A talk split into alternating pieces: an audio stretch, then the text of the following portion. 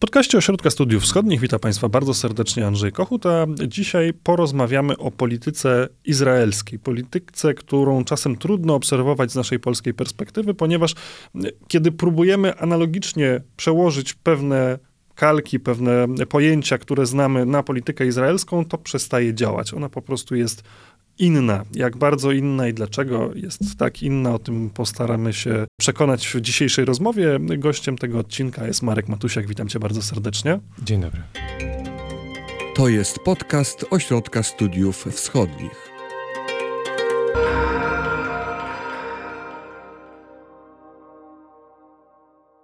Opublikowałeś niedawno raport e, w Ośrodku Studiów Wschodnich Paradoksy izraelskiej polityki, krótki kurs. I myślę, że e, ten podtytuł Krótki kurs jest też e, dobrym e, punktem wyjścia do naszej rozmowy. To ma być taki krótki kurs po izraelskiej polityce, bo kiedy patrzymy na politykę dowolnego zachodniego państwa, zazwyczaj staramy się sobie to uporządkować na osi lewica, prawica, konserwatyści, liberałowie.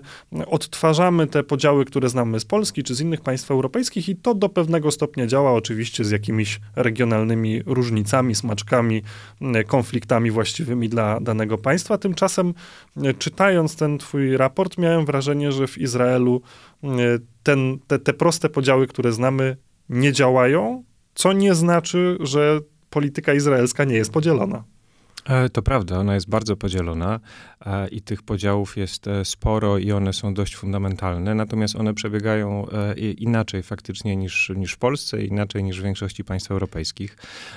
Pomyśleliśmy, że ponieważ w ostatnich trzech latach co i rusz w Izraelu odbywają się wybory, więc co i rusz jest to temat i, i co i rusz to pojawia się u nas w mediach, dobrze byłoby właśnie trochę tę rzecz e, usystematyzować, bo e, kiedy dowiadujemy się, że w Izraelu właśnie odbywają się piąte w ciągu trzech lat wybory i, i w parlamencie znajduje się 13 partii, które nie mogą, czy właściwie 13 list wyborczych, które nie mogą się ze sobą porozumieć, no to istnieje potrzeba wprowadzenia jakiegoś klucza, jakiejś systematyki do tej rzeczywistości.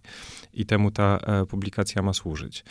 Faktycznie w Izraelu jest tak, no, że jest to oczywiście demokracja, jest to państwo prawa, istnieje tam system partyjny, E, mówi się w tych warunkach izraelskich o lewicy, centrum, prawicy, czyli tak jak wszędzie. Tych partii jest nawet, można powiedzieć, dosyć dużo, bo jak na Kneset, w którym jest 130 miejsc, 120, 120 to e, te, tych, tych podziału, tego podziału jest, jest bardzo dużo, w sensie te, te nawet najpotężniejsze partie po wyborach najczęściej mają 30-40 tak, miejsc, tak jest, nie więcej. że na 120, w ostatnich wyborach na przykład 120 e, miejsc zostało podzielonych między 13 list wyborczych, a 13 list wyborczych składało się z 20 partii. E, więc no jest to potężna liczba tych e, podmiotów politycznych i faktycznie, tak jak powiedziałeś, e, Likud, który regularnie jest największą, taką dominującą partią polityczną, zgarnia co najwyżej jedną czwartą.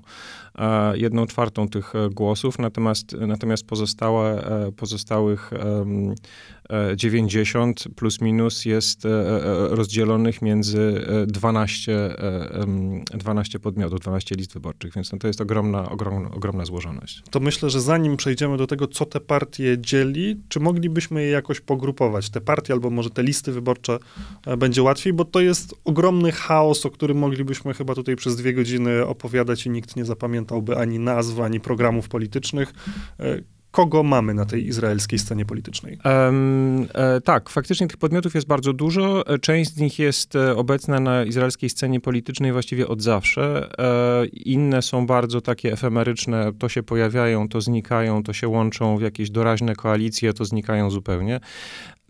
No, na pewno najważniejszą partią jest Likud, który no, nie zawsze, jak widzimy w ostatnich latach, znajduje się u władzy, natomiast z pewnością zawsze jest e, partią dominującą, pierwszą w sondażach, taką, do której właściwie nikt nawet nie może się zbliżyć. Potem drugą największą partią jest e, e, Jesh Atid. To jest partia obecnego, pełniącego obowiązki premiera Jaira Lapida. To jest taka partia w, w, warunkach Izraela nazywana centrową, ale zaraz jeszcze dojdziemy do tego, co ta centrowość oznacza, bo to też jest mylące. No i potem mamy cały, e, cały szereg partii e, narodowo-religijnych, religijnych, e, partii arabskich, partii lewicowych, prawicowych, ale generalnie rzecz biorąc takie dwa dominujące podmioty są, są dwa, czyli Likud i Yeshatid. W ostatnich sondażach powiedzmy jakoś jeszcze na trzecie miejsce wychodzi taka partia, która nazywa się, czy znów raczej lista wyborcza, religijny syjonizm, to jest partia takich twardych, nawet można powiedzieć rasistowskich, religijnych nacjonalistów. To są powiedzmy trzy pierwsze miejsca, a cała reszta to jest e, e, peleton, który no, jest za nimi, nawet trudno powiedzieć, że ich goni. Natomiast tym najważniejszym podmiotem w ostatnich latach e, był Likud i był, była postać taka, która można powiedzieć również dzieli izraelską scenę polityczną, jeżeli już o tych podziałach rozmawiamy, czyli premier Benjamin Netanyahu. E, tak jest. E, Benjamin Netanyahu jest e, najdłużej, czy był właściwie, e, najdłużej sprawującym urząd premiera politykiem. Prześcignął pod tym względem nawet Ben Guriona. E, I, no i niewątpliwie no jest politykiem tej rangi, tej kategorii wagowej, można by powiedzieć, że niezależnie od tego, czy aktualnie jest premierem, czy nie, i tak życie polityczne kręci się dookoła niego. I można powiedzieć, że takim najbardziej konkretnym, czytelnym, i w pewnym sensie nieprzekraczalnym podziałem politycznym na izraelskiej scenie jest stosunek do niego jako polityka. To znaczy gotowość albo współpracy z nim, dopuszczanie w ogóle takiego scenariusza jak współpraca z nim i zasiadanie z nim w jednym rządzie, e, bądź też nie. E, I ogromna część izraelskiej polityki w ostatnich latach toczyła się na zasadzie podziału tylko Bibi albo tylko nie Bibi. I, e, I jest to na tyle ciekawe, jest to o tyle ciekawe zjawisko, że właściwie jest to podział, który jest ponad wszystkimi innymi. To znaczy, on jakby przekreśla, jest nadrzędny wobec e, podziałów tak naprawdę znacznie bardziej fundamentalnych, e, takich ideologicznych, światopoglądowych, ale one są do pewnego stopnia przekraczalne. Można próbować negocjacji, wchodzić w kompromisy. Natomiast stosunek do Netanyahu jest absolutnie sprawą jakby niepodlegającą dyskusji. I to jest jeden z powodów tego przewlekłego kryzysu e, politycznego, bo tego podziału on jest bardzo prosty, bardzo zero-jedynkowy e, i tak jak mówię, nieprzekraczalny. Ale to jest też podział, który mam wrażenie jest w jakiś sposób rozpoznawalny dla nas. To znaczy również w innych państwach zdarzają się politycy bądź partie, które do tego stopnia ogniskują uwagę i wyborców, i pozostałych rywali na scenie politycznej, że tak naprawdę wybory odbywają się często jako pewnego rodzaju referenda popierające tego konkretnego kandydata albo przeciwko niemu zwracają się wyborcy. Natomiast zupełnie inaczej jest z tymi podziałami i chciałbym do tego wrócić, bo trochę od tego zaczęliśmy naszą rozmowę, które również kształtują izraelską scenę polityczną, a które są typowe już tylko dla Izraela. Mnie na przykład do pewnego stopnia zaskoczyło, że taką jedną z głównych linii podziału, czy jakąś jedną z głównych wątpliwości, które, z którymi muszą się mierzyć izraelscy politycy, to jest pytanie o to, czym właściwie jest izraelskie państwo i jak powin, jakie powinno być. Tak, zdecydowanie. E, to jest e, jedna taka no, z podstawowych kategorii podziału. Ją można scharakteryzować w następujący sposób. Taka prawna autodefinicja e, państwa Izrael, która pojawia się w, w, w ustawach, jest taka, że jest to państwo żydowskie i demokratyczne.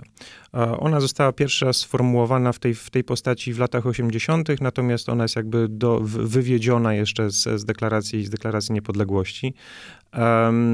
No i tak naprawdę ogromna część izraelskiej polityki dotyczy tego, co to tak naprawdę znaczy. Co to znaczy żydowska, co to znaczy demokratyczna, co to znaczy demokra- żydowska i demokratyczna, jak te pojęcia się mają względem siebie, e, czy to jest w ogóle możliwe, żeby mieć jedno i drugie, a jeśli nie jest możliwe, to który z tych e, e, przymiotników jest e, istotniejszy, i kto ma o tym decydować, który jest istotniejszy. E, I tak naprawdę z tego, z tego całego kompleksu dylematów potem wywodzi się bardzo wiele problemów szczegółowych, takich już bardzo konkretnych, sięgających od tego, czy na przykład e, w, w, w, w szabat powinien, czy może w ogóle tra funkcjonować transport publiczny, e, czy w szabat będą otwarte supermarkety, ale także tego, co na przykład zrobić z osiedlami na zachodnim brzegu, jaki ma być stosunek do arabskich obywateli Izraela i tak dalej, i tak dalej. Więc e, tak naprawdę olbrzymia część bardzo konkretnych, szczegółowych, praktycznych pytań e, sięga swoimi korzeniami właśnie tego dylematu. Co to tak naprawdę znaczy, że państwo jest żydowskie i demokratyczne? To zacznijmy może od tego, co to znaczy, że państwo jest e, żydowskie, bo to jest pytanie, czy chodzi o narodowość, czy chodzi o religię, tutaj jest kolejna linia podziału, no i też co to znaczy dla innych obywateli tego państwa, którzy pod żadną z tych form żydowskości się nie podpiszą, to znaczy chodzi tutaj o mniejszość arabską, która przecież ma swoją reprezentację polityczną, ma partię w Knesecie, a jednocześnie w takim kluczu najprawdopodobniej nigdy się nie opisze. E, to prawda. To jest taki e, fundamentalny, taki powiedziałbym pierwotny podział e, izraelskiej polityki na partie syjonistyczne i niesyjonistyczne. E, jak wiemy, syjonizm to był e, historyczny ruch polityczny, e, jakby powstały w XIX wieku, który no, zakładał, dążył do utworzenia żydowskiej państwowości w Palestynie. I to, jak wiemy, oczywiście się udało. Natomiast to jest kategoria, która do dzisiaj zachowuje swoje, swoje znaczenie. No bo jest pytanie, jakie to państwo ma być właśnie. I ogromna część izraelskiego spektrum politycznego to są właśnie partie syjonistyczne, co oznacza tyle. To są partie, które uważają, że Izrael ma być państwem żydowskim i nie tylko pod względem symboliki, języka, kultury, e, pewnej tradycji, pewnej takiej autoidentyfikacji, ale także ma to być państwo, które ma etnicznie żydowską większość. I um, jak gdyby wszystkie podziały na prawicę i lewicę w ramach tego bardzo szerokiego spektrum syjonistycznego przebiegają niejako poniżej tego warunku. To znaczy, kiedy spełnimy ten warunek, to potem możemy się dzielić na tych, którzy chcą państwa bardziej socjalnego, bardziej inkluzywnego, albo tych, którzy są bardziej zorientowani nacjonalistycznie i religijnie, ale to jest pewne spektrum partii e, syjonistycznych, i tak naprawdę większość izraelskiej polityki odbywa się w ramach tego, e, e, te, te, tego, tego kontinuum. Poza nimi znajdują się dwa typy partii. E, z jednej strony są to partie arabskie, e, które istnieją, uczestniczą w wyborach, wchodzą do Knesetu, e, natomiast one w większości jednak tego założenia nie akceptują. To znaczy, to są jednak partie, które można nazwać w uproszczeniu antysyjonistycznymi, które mówią tak, jesteśmy obywatelami tego państwa, ale w związku z tym, że jesteśmy obywatelami tego państwa, że jest nas prawie dwa miliony nas, arabskich obywateli, no to nie możemy się zgodzić na trwałą definicję tego państwa jako państwa etnicznie żydowskiego. My jesteśmy, chcemy być jego współwłaścicielami, chcemy mieć e, jak gdyby prawo także symbolicznej e, reprezentacji.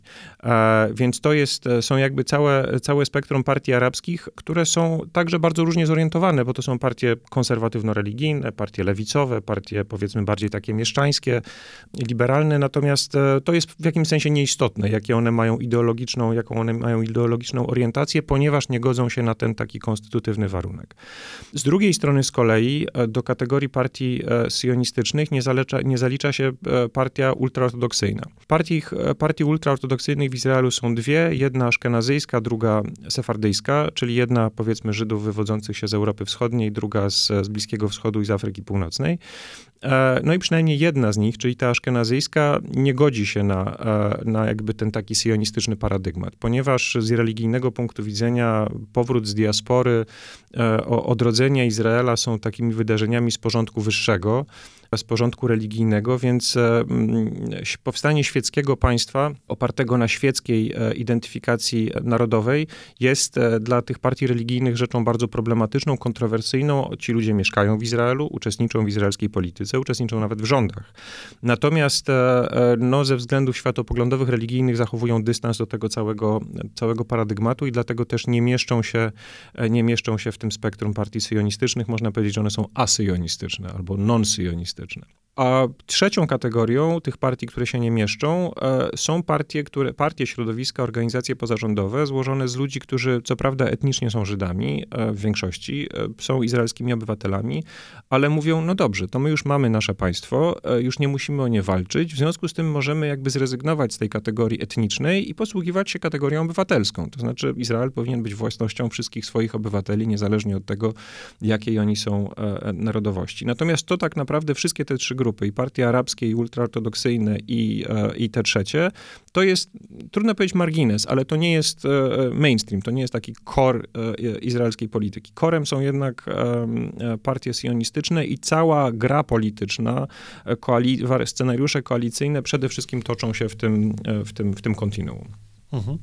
A skoro poruszyliśmy już ten temat, to do jakiego stopnia religia jest istotna w izraelskiej polityce?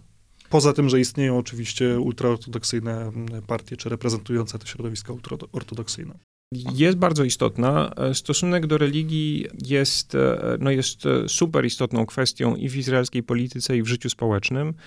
I może zacznę od takiej bardzo uproszczonej typologii, e, kiedy prowadzi się badania izraelskiego społeczeństwa i pyta się ludzi o ich stosunek do religii, e, to zazwyczaj e, wyłaniają się takie cztery kategorie. To są z jednej strony ludzie zupełnie świeccy, zupełnie niereligijni, dla których religia kompletnie nie ma znaczenia. Potem mamy osoby, które definiują się jako tradycjonaliści, które jak gdyby pewne wybrane elementy religii zachowują, może ze względu bardziej właśnie na tradycję, na przywiązanie, na taki jakby kulturową, kulturowy aspekt, a nie na aspekt religijny.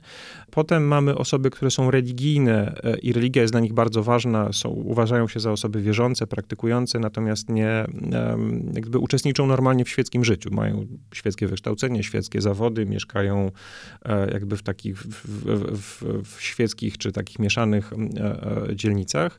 I ostatnią kategorią są e, osoby ultraortodoksyjne, e, które są, żyją tak naprawdę w takich e, enklawach religijnych. No to są ci, których bardzo charakterystycznie zazwyczaj mężczyźni przede wszystkim ubrani w, w długie jakieś takie czarne stroje, w kapelusze, z brodami, z pejsami, no taki bardzo, powiedziałbym, emblematyczny wizerunek religijnego Żyda. I to jest, to jest grupa ostatnia. Więc choćby i tak naprawdę każda z tych podgrup, które teraz wymieniłem, z tych czterech podgrup, jeszcze dalej się dzieli, bo oczywiście jakby wśród ultraortodoksów są różne dynastie hasyckie, a oprócz tego jest podział na hasydów i litwaków. E, osób tych religijnych, ale nie ultraortodoksyjnych też jest bardzo wiele różnych e, prądów, grup, strumieni, rodzajów itd., tak itd. Tak Więc religia jest bardzo ważnym e, takim, e, te, taką dystynkcją w izraelskim społeczeństwie i to też przekłada się na politykę.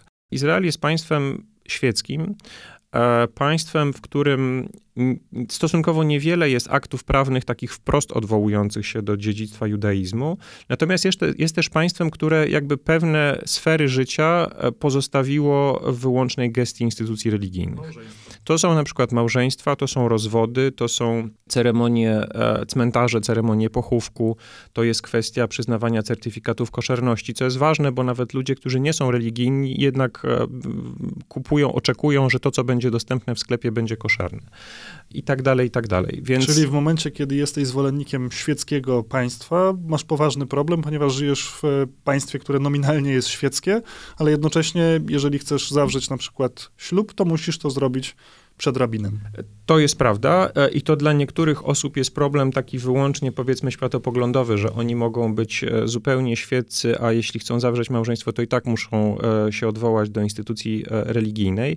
Natomiast istnieje cała ogromna kategoria izraelskich obywateli, którzy, dla których to jest problem jednak bardzo praktyczny, bo istnieje zasadnicza różnica między żydowskością definiowaną jako w takich kategoriach religijnych, a tym, a pochodzeniem, które uprawnia do posiadania izraelskiego obywatelstwa.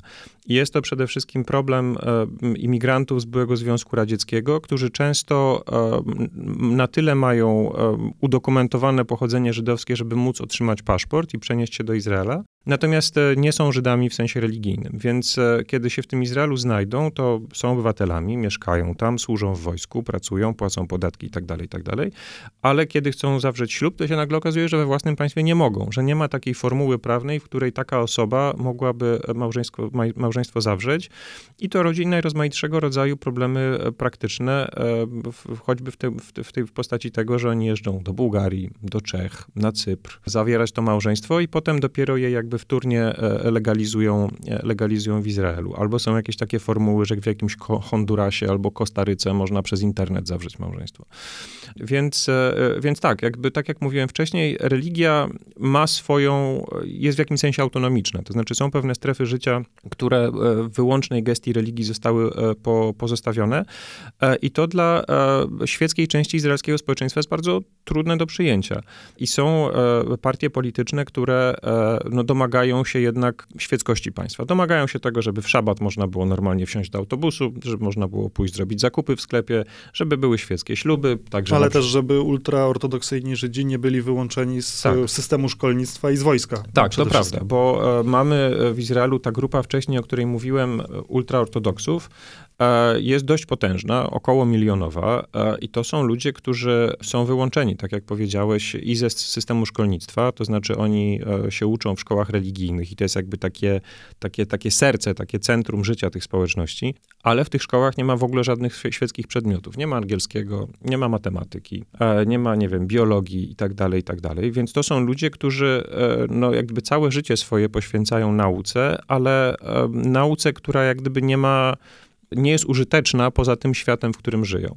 E, I to jest no, milionowa grupa obywateli, czyli całkiem duża jak na dziewięciomilionowe e, państwo. I to jest też grupa, która w ogromnej mierze żyje z subsydiów państwowych, bo szkoły religijne są subsydiowane poprzez niedystrybuowane są stypendia dla, e, dla uczniów tych szkół, więc jest to tak naprawdę ogromna społeczność, która w dużej mierze utrzymywana jest przez państwo, a jest od tego państwa niezależna. E, są to też ludzie, którzy e, właściwie e, w, w, zupełności są wyłączeni ze służby wojskowej, która jak wiadomo w Izraelu jest obowiązkowa i dla kobiet, i dla mężczyzn. Natomiast tutaj istnieje cały ogromny segment społeczeństwa, który jest z tego obowiązku zwolniony. E, więc e, to znów budzi ogromne kontrowersje wśród e, świeckiej części społeczeństwa i co i róż są takie nawoływania do tego, żeby ten stan zmienić. Natomiast no, tego się jak dotąd nie, nie udało zrobić. Jeśli mogę dodać jeszcze jedną rzecz, to ciekawe jest to, że ten stosunek do religii, to może w kontrze do tego, co nam się może wydawać, nie jest takim prostym podziałem na prawicę i lewicę. To znaczy u nas jednak, czy myśląc takimi europejskimi, a już zwłaszcza polskimi kategoriami, religijność, przywiązanie do religii, czy obrona powiedzmy prawa religii do obecności w życiu społecznym i politycznym przynależy jednak bardzo wyraźnie do, do prawicy, a lewica czy liberałowie to jest ta część spektrum, która uważa, że to jednak raczej należy e, ograniczyć czy w ogóle wyrugować. W Izraelu jest inaczej. W Izraelu mamy e, oczywiście lewicę, która jest e, w, w całości e, no, za świeckim państwem i ograniczeniem roli religii, ale mamy też prawicę, która jest e, antyreligijna, która jest e, jak gdyby świecką prawicą nacjonalistyczną, liberalną pod względem gospodarczym i też uważającą, że miejsce religii jest w synagodze, a nie, e, a nie w, w życiu politycznym. Poświęciliśmy sporo miejsca tej kwestii religijności w Izraelu i tego, jak ona oddziałuje na politykę, ale wcześniej poruszyliśmy też drugą kwestię, która z jednej strony dzieli mieszkańców Izraela i izraelskich wyborców, a z drugiej właśnie stanowi też e, no, taki problem w samoidentyfikacji ludzi mieszkających w Izraelu, czyli kwestia arabska, no i kwestia palestyńska. Jak wygląda ta sytuacja w takim ogólnym zarysie e, w tej chwili, w jaki sposób wpływa na politykę? E, przede wszystkim e, trzeba tu przeprowadzić pewną typologię. To znaczy, to są różne grupy i one mają jakby ich miejsce w arabskiej polityce, w izraelskiej polityce jest różne. Mamy w, w Izraelu około 2 miliony Arabów, Palestyńczyków z czego e, zdecydowana większość to są obywatele tego państwa, natomiast około 350 tysięcy to są osoby, które mieszkają we wschodniej Jerozolimie e, i są rezydentami Izraela. To znaczy mogą mieszkać, mogą pracować, mogą się uczyć, natomiast nie mogą nie mogą głosować i to ich prawo pobytu e, może zostać im odebrane, jeżeli na przykład złamią prawo. Więc to są pierwsze dwie grupy. Arabowie obywatele Izraela, Arabowie e, rezydenci Izraela. Potem mamy e, Palestyńczyków z zachodniego brzegu, to jest strefa okupacyjna, okupowana przez Izrael, ale także podzielona na trzy strefy zarządzane w różny sposób. I jeszcze mamy Palestyńczyków w Gazie. Więc mamy dwa miliony Arabów mieszkających w Izraelu, dwóch kategoriach około 3 miliony e, Palestyńczyków na zachodnim brzegu i około 2 miliony w Gazie. Więc to już pokazuje, że, że to są trzy różne grupy i też ich miejsce w izraelskiej polityce jest różne. E, zaczynając od e, Arabów, obywateli Izraela, to jest faktycznie e, fundamentalny dosyć e, dylemat e, dla, dla partii izraelskich. Mamy z jednej strony słabą obecnie bardzo lewicę i powiedzmy część tak zwanego centrum, czyli to są partie, które mówią tak, tak, Izrael jest państwem żydowskim pod względem symboliki, kultury, języka i etnicznej większości i tak ma zostać. Tym niemniej jesteśmy także państwem demokratycznym, mamy obywateli Arabów, chcemy, żeby oni w jak najpełniejszym wymiarze uczestniczyli w życiu naszego państwa, żeby się uczyli, żeby żeby zajmowali stanowiska w strukturach państwowych, żeby odnosili sukcesy, nie wiem, w kulturze, w sporcie i tak dalej, i tak dalej. Do tego stanu dążymy, na tym nam zależy. To są nasi obywatele i chcemy, żeby oni w życiu naszego państwa uczestniczyli. Na drugim e, końcu mamy znacznie potężniejszą i bardziej e, e, w tej chwili wpływową prawicę w bardzo różnych odcieniach, no, która do Arabów odnosi się bardzo nieufnie. Generalnie rzecz biorąc, no, przyjmuje do wiadomości ich istnienie, no bo cóż zrobić z tymi dwoma milionami ludzi, ale jednak e, cały czas wysyła do Arabów e, czy do Palestyńczyków takie sygnały, wasza obecność tutaj jest warunkowa. Musicie się pilnować, musicie demonstrować swoją lojalność, nie powinniście stwarzać problemów. E, niedobrze jest, jeżeli będziecie jak gdyby eksponować swoją palestyńską tożsamość narodową, bo jeśli będziecie to robić, no to być może będziemy musieli jakoś ostro zareagować. Tutaj się pojawiają, oczywiście raczej w sferze retoryki niż praktycznych działań, groźby deportacji, groźby odbierania obywatelstwa, e, jakieś takie pogróżki, że dokończymy to, czego nie zrobiliśmy w 48 i 49 roku, czyli e, wygnamy tych z was, którzy jeszcze na terenie Izraela pozostają. No to jest taka bardzo, e, to jest retoryka przede wszystkim, no ale jednak bardzo e, nośna i, i niestety trudno powiedzieć, że marginalna, bo tego rodzaju głosy e, można usłyszeć i od polityków Likudu, czyli największej izraelskiej partii i tym bardziej oczywiście ze strony tego religijnego syjonizmu, o którym mówiłem na początku, który jest otwarcie rasistowską partią i także z, z, z ust polityków innych, e, innych prawicowych partii izraelskich. Więc to jest retoryka, która faktycznie i typ myślenia i w ogóle nastawienie do tych arabskich obywateli Izraela dość e, mocno e, obecne w dyskursie politycznym tamtejszym. Dotykając tej kwestii arabskiej, dotykamy też e, takiego kolejnego bardzo dużego problemu z państwowością Izraela, czyli kwestii granic. To jest coś, co w przypadku większości państw wydaje się dosyć oczywiste, gdzie państwo się zaczyna, gdzie się kończy. W przypadku Izraela wcale tak nie jest. Do pewnego stopnia już o tym mówiłeś, wspominając o strefie gazy, o zachodnim brzegu. E, natomiast e, to jest też problem, który wydaje się nierozwiązywalny w najbliższym czasie i czytając e, twój raport, odniosłem też wrażenie, że dla części polityków tych partii syjonistycznych, o których mówiłeś, to jest też temat, którego oni nie chcieliby zbyt szybko i w jasny sposób rozwiązywać, doprowadzając do jakiegoś porozumienia pokojowego, w wyniku którego na przykład na zachodnim brzegu e, powstaje państwo palestyńskie. To jest e, oczywiście bardzo skomplikowany problem. Zaczynając od granic. Faktycznie to jest pewien fenomen, to znaczy pytanie o to, gdzie Izrael się zaczyna, gdzie się kończy, czy odpowiedź raczej na to pytanie, zależeć będzie od tego, komu je zadamy. Bo jeśli e, zadamy to pytanie tutaj w Unii Europejskiej, no to e, wszyscy odpowiedzą, że my uznajemy e, Izrael w takich granicach, w jakich w 1949 roku to państwo się ostatecznie ukonstytuowało. Natomiast e, e, w Izraelu e, ta definicja jest inna.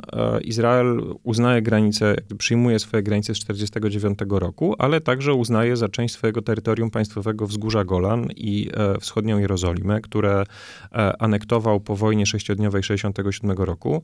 I mimo, że fakt tych, tych aneksji co do zasady nie jest szeroko uznawany na świecie, chociaż Stany Zjednoczone dokonały pod prezydenturą Donalda Trumpa dokonały dość istotnego wyłomu w, tym, w tej polityce nieuznawania tych, nieuznawania tych aneksji, e, no to Izrael się tym nigdy nie przejmował i po prostu uważa to za swoje. Kontroluje te terytoria wojskowo, jak gdyby prawodawstwo Izraela się roz, e, rozciąga też na te, na, te, na, te, na te obszary, więc jakby z punktu widzenia Izraela ta sprawa jest zakończona, w ogóle nie ma o czym rozmawiać. Więc inaczej myślimy, my, inaczej myślą oni, ale, jeszcze istnieje jeden aspekt tej sprawy, to znaczy osiedla na zachodnim brzegu.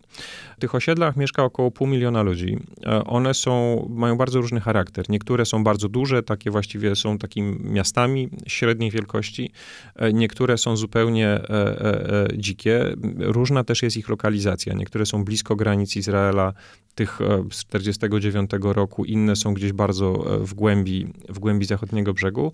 I inny też jest ich status. Niektóre są zalegalizowane przez Izrael, a inne są powiedzmy samorzutne. E, no tym niemniej ogromna część spośród tego pół miliona ludzi, o którym mówiłem wcześniej, mieszka w tych e, e, osiedlach blisko granic 49 roku i właściwie mieszkając tam nawet nie odczuwa żadnej różnicy. To jest pod względem infrastruktury, materialnego poziomu życia, takiego powiedzmy też otoczenia prawnego, poziomu bezpieczeństwa, właściwie to samo, co mieszkanie gdziekolwiek indziej na terenie Izraela. I właściwie nie ma takiego scenariusza, w którym e, e, Izrael miałby się tego wyrzec. To znaczy, to niezależnie od tego, co się z zachodnim brzegiem stanie, nawet przy bardzo w tej chwili hipotetycznym scenariuszu, że e, faktycznie państwo palestyńskie kiedyś powstanie, to to i tak przy Izraelu zostanie i to już dziś funkcjonuje jak część tego państwa. Więc podsumowując raz jeszcze, inaczej myślimy my, inaczej myśli Izrael, a inaczej jest naprawdę.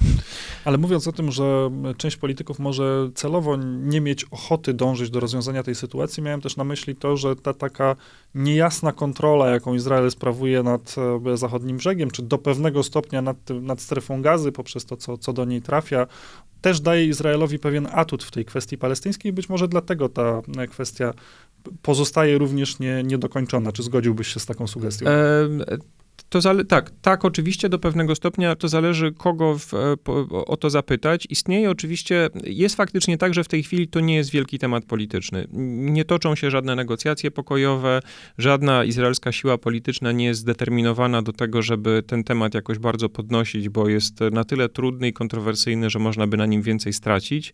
Więc istnieje takie przekonanie w tej chwili, że no, nie ruszamy tego tematu, nie ma sensu o tym rozmawiać, nie ma przestrzeni, to nie jest ten moment. No tylko, że stosunek do tego jest e, różny. Niektórych to bardzo cieszy, bo uważają, że państwo palestyńskie nie ma prawa istnieć. E, my go nie chcemy ze względów częściowo bezpieczeństwa, częściowo dlatego, że uważamy, że im się to państwo nie należy, że zachodni brzeg powinien należeć do nas, przynajmniej w takim e, zakresie, w jakim uznamy za słuszne, więc jest to absolutnie, dla, zwłaszcza dla izraelskiej prawicy, stan pożądany. To znaczy to, że rozmowy o państwie palestyńskim właściwie spadły z agendy i wydaje się jego powstanie coraz mniej realne, to, to świetnie, to o to nam chodzi generalnie rzecz biorąc, w tym kierunku powinniśmy iść. Będziemy rozbudowywać osiedla, bo to są też tereny, które my uważamy za należące do naszego historycznego, narodowego dziedzictwa. A są siły polityczne, które uważają, że to jest niedobrze, że, e, że to jest e, w długim terminie groźne dla Izraela, że to takie, ta taka niejasność, czym ten zachodni brzeg tak naprawdę jest, czy to jest nasze, czy to jest nie nasze, czy tam ma powstać państwo palestyńskie, czy nie, to jest dla nas groźne. E, my powinniśmy się od Palestyńczyków oddzielić, zdecydować nareszcie, gdzie Izrael jest, a gdzie go nie ma. I generalnie rzecz biorąc, no to są środowiska, które na stan, na status quo patrzą z głębokim zaniepokojeniem, bo uważają, że to to samemu Izraelowi w długiej perspektywie zagraża, ale też przyjmują do wiadomości fakt, że politycznie jest to w tej chwili nie do ruszenia. Więc e, e, podsumowując, jest faktycznie tak, że to nie jest w tej chwili temat, e, no tylko, że stosunek do tego jest bardzo różny. Mhm. Dotknąłeś bardzo istotnego tematu i również chyba takiego, który z kolei ma znaczenie obecnie również na, na izraelskiej scenie politycznej, czyli kwestii bezpieczeństwa, bo Izrael to też państwo, które kojarzy się z takim nieustannym zagrożeniem ze względu na jego położenie geograficzne. Wokół są w różnym stopniu nieżyczliwe państwa arabskie, eufemistycznie rzecz ujmując. Do tego dochodzi oczywiście zagrożenie terrorystyczne wynikające w jakimś stopniu z tej nierozwiązanej kwestii palestyńskiej. Jak istotny jest to dziś temat politycznie w Izraelu i czy istnieją znowu jakieś różnice pomiędzy ugrupowaniami politycznymi, jeżeli chodzi o to, jak tą kwestię bezpieczeństwa regulować? Powiedziałbym, że. Um to jest ważna kwestia, bardzo ważna kwestia i jakby społeczeństwo izraelskie, Izrael jako taka wspólnota polityczna jest w ogromnym stopniu zorganizowana wokół kwestii bezpieczeństwa, e, bo jest to e, społeczeństwo, które e, żyje faktycznie w poczuciu zagrożenia, w, z dziedzictwem wielkiej traumy zagłady Żydów w Europie, z historią nieustających wojen i prób no, zniszczenia Izraela, czy usunięcia Izraela z mapy ze strony sąsiadów.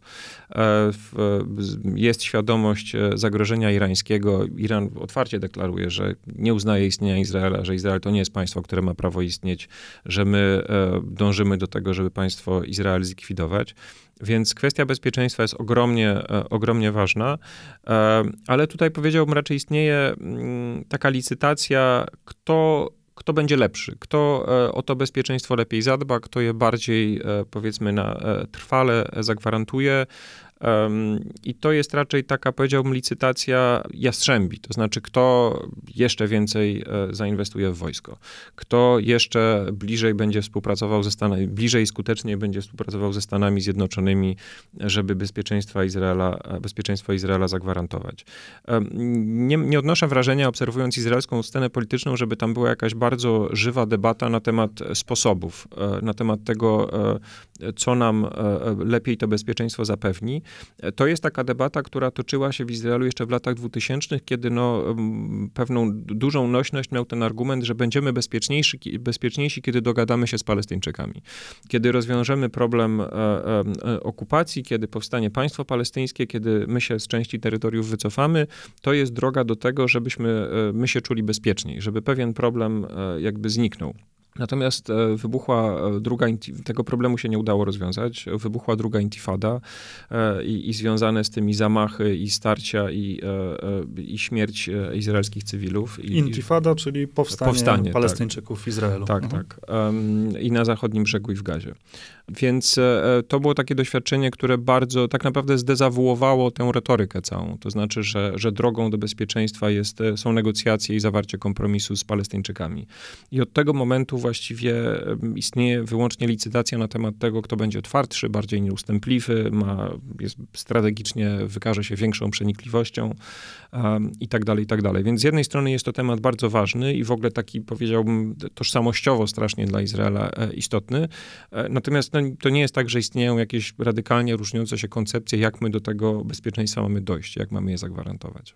Myślę, że zbliżając się do podsumowania e, tej rozmowy, warto jeszcze poruszyć coś, co zresztą e, poruszasz w swoim raporcie, konkretnie w jego podsumowaniu, gdzie piszesz, że z jednej strony e, Izrael, na który patrzymy, jest takim państwem, można powiedzieć, najbardziej zachodnim w tamtym regionie świata, państwem zdecydowanie rozwiniętym, demokratycznym, posiadającym pluralistyczne media, ceniącym wolność słowa, uważającym praworządność za wartość, społeczeństwem otwartym, również w takim zachodnim e, sensie, a z drugiej strony jest państwem bardzo innym. I tam używasz ciekawego sformułowania, że jest to tak naprawdę państwo europejskie, ale z pierwszej połowy XX wieku. No, to jest taka metafora, która mi przyszła e, do głowy i wydała się adekwatna, bo jest faktycznie tak, jak mówisz, że jednej, z jednej strony mamy w Izraelu do czynienia absolutnie z demokracją, um, z państwem prawa, tego nikt nie podważa. Jest to społeczeństwo pod wieloma względami, ono jest oczywiście ogromnie zróżnicowane i funkcjonuje w takich pewnych enklawach, ale no, na pewno istnieją w nim też enklawy bardzo takiego liberalnego, e, zachodniego e, myślenia, czego na przykład dowodem są masowe parady LGBT LGBT w Tel Awiwie, takie gromadzące pół miliona ludzi. No to nigdzie indziej na Bliskim Wschodzie nie jest e, do wyobrażenia. E, natomiast no, jednocześnie jakby paralelnie do tego świata istnieje rzeczywistość okupacji e, zachodniego brzegu, która trzeba otwarcie powiedzieć jest bardzo brutalna no i bardzo też moralnie obciążająca. Istnieje kwestia Arabów izraelskich, którzy no, nie są w tej chwili pełnoprawnymi uczestnikami życia tego państwa i co widać, choćby e, wszyscy spodziewają się tego, że frekwencja wśród Arabów w nadchodzących wyborach e, będzie e, no, e, historycznie niska, e, choćby z tego, co, co jest wskaźnikiem tego, jak, jak oni o tym państwie myślą. Czy oni je uważają za swoje, czy mają poczucie, że mogą jakby być w nim reprezentowani, czy mają poczucie, że na coś wpływają. E, miasta arabskie w Izraelu są zdecydowanie biedniejsze i mniej doinwestowane. E, są ogromne obszary życia społecznego, w których, w których Arabowie nie uczestniczą. I to też jest jakby, to istnieje jednocześnie. Istnieje i ta demokracja, i ta, ta otwartość, i ten liberalizm, e, ale jednocześnie istnieje właśnie okupacja, istnieje też obiektywnie mierzalny, jakby gołym okiem dostrzegalny, niższy status e, arabskich obywateli tego państwa. E, I pomyślałem, że to w pewnym sensie może przypomina e, taką faktycznie europejską rzeczywistość dwudziestowieczną, kiedy pewne rzeczy były do połączenia, kiedy pewne rzeczy współistniały. Też jeśli popatrzy się na Izrael, no to faktycznie tej nacjonalistycznej retoryki jest bardzo dużo. Trudno sobie wyobrazić w jakimkolwiek innym europejskim, na przykład państwie demokratycznym, ten typ takiego etnicznego nacjonalizmu, który tam w Izraelu bardzo się ma dobrze. Oczywiście nie, nie dotyczy wszystkich, ale czy może nawet nie większości, ale, e, ale na pewno jest bardzo mocno i trwale reprezentowany w dyskursie publicznym. To są pewne rzeczy, które z naszej perspektywy już są trudno wyobrażalne, e, a tam, a tam istnieją. Więc to jest, są takie jakby równoległe prawdy o tym państwie i, i, i trzeba to mieć na względzie, że ono nie jest do końca ani takie, ani takie bardzo skomplikowany temat i mam wrażenie, że mimo iż ta rozmowa trwa już prawie 40 minut, to i tak dopiero przesunęliśmy się po powierzchni, ale nic straconego. Pewnie jeszcze będzie okazja, żeby o Izraelu rozmawiać. Bardzo Ci dziękuję za dziś. Dziękuję bardzo. Marek Matusiak, analityk Ośrodka Studiów Wschodnich, był dzisiaj gościem e, tego odcinka. Państwa jak zwykle zachęcam do słuchania innych naszych produkcji, do oglądania ich na e, kanale YouTube'owym Ośrodka Studiów Wschodnich, a ja nazywam się Andrzej Kochut i mówię do usłyszenia.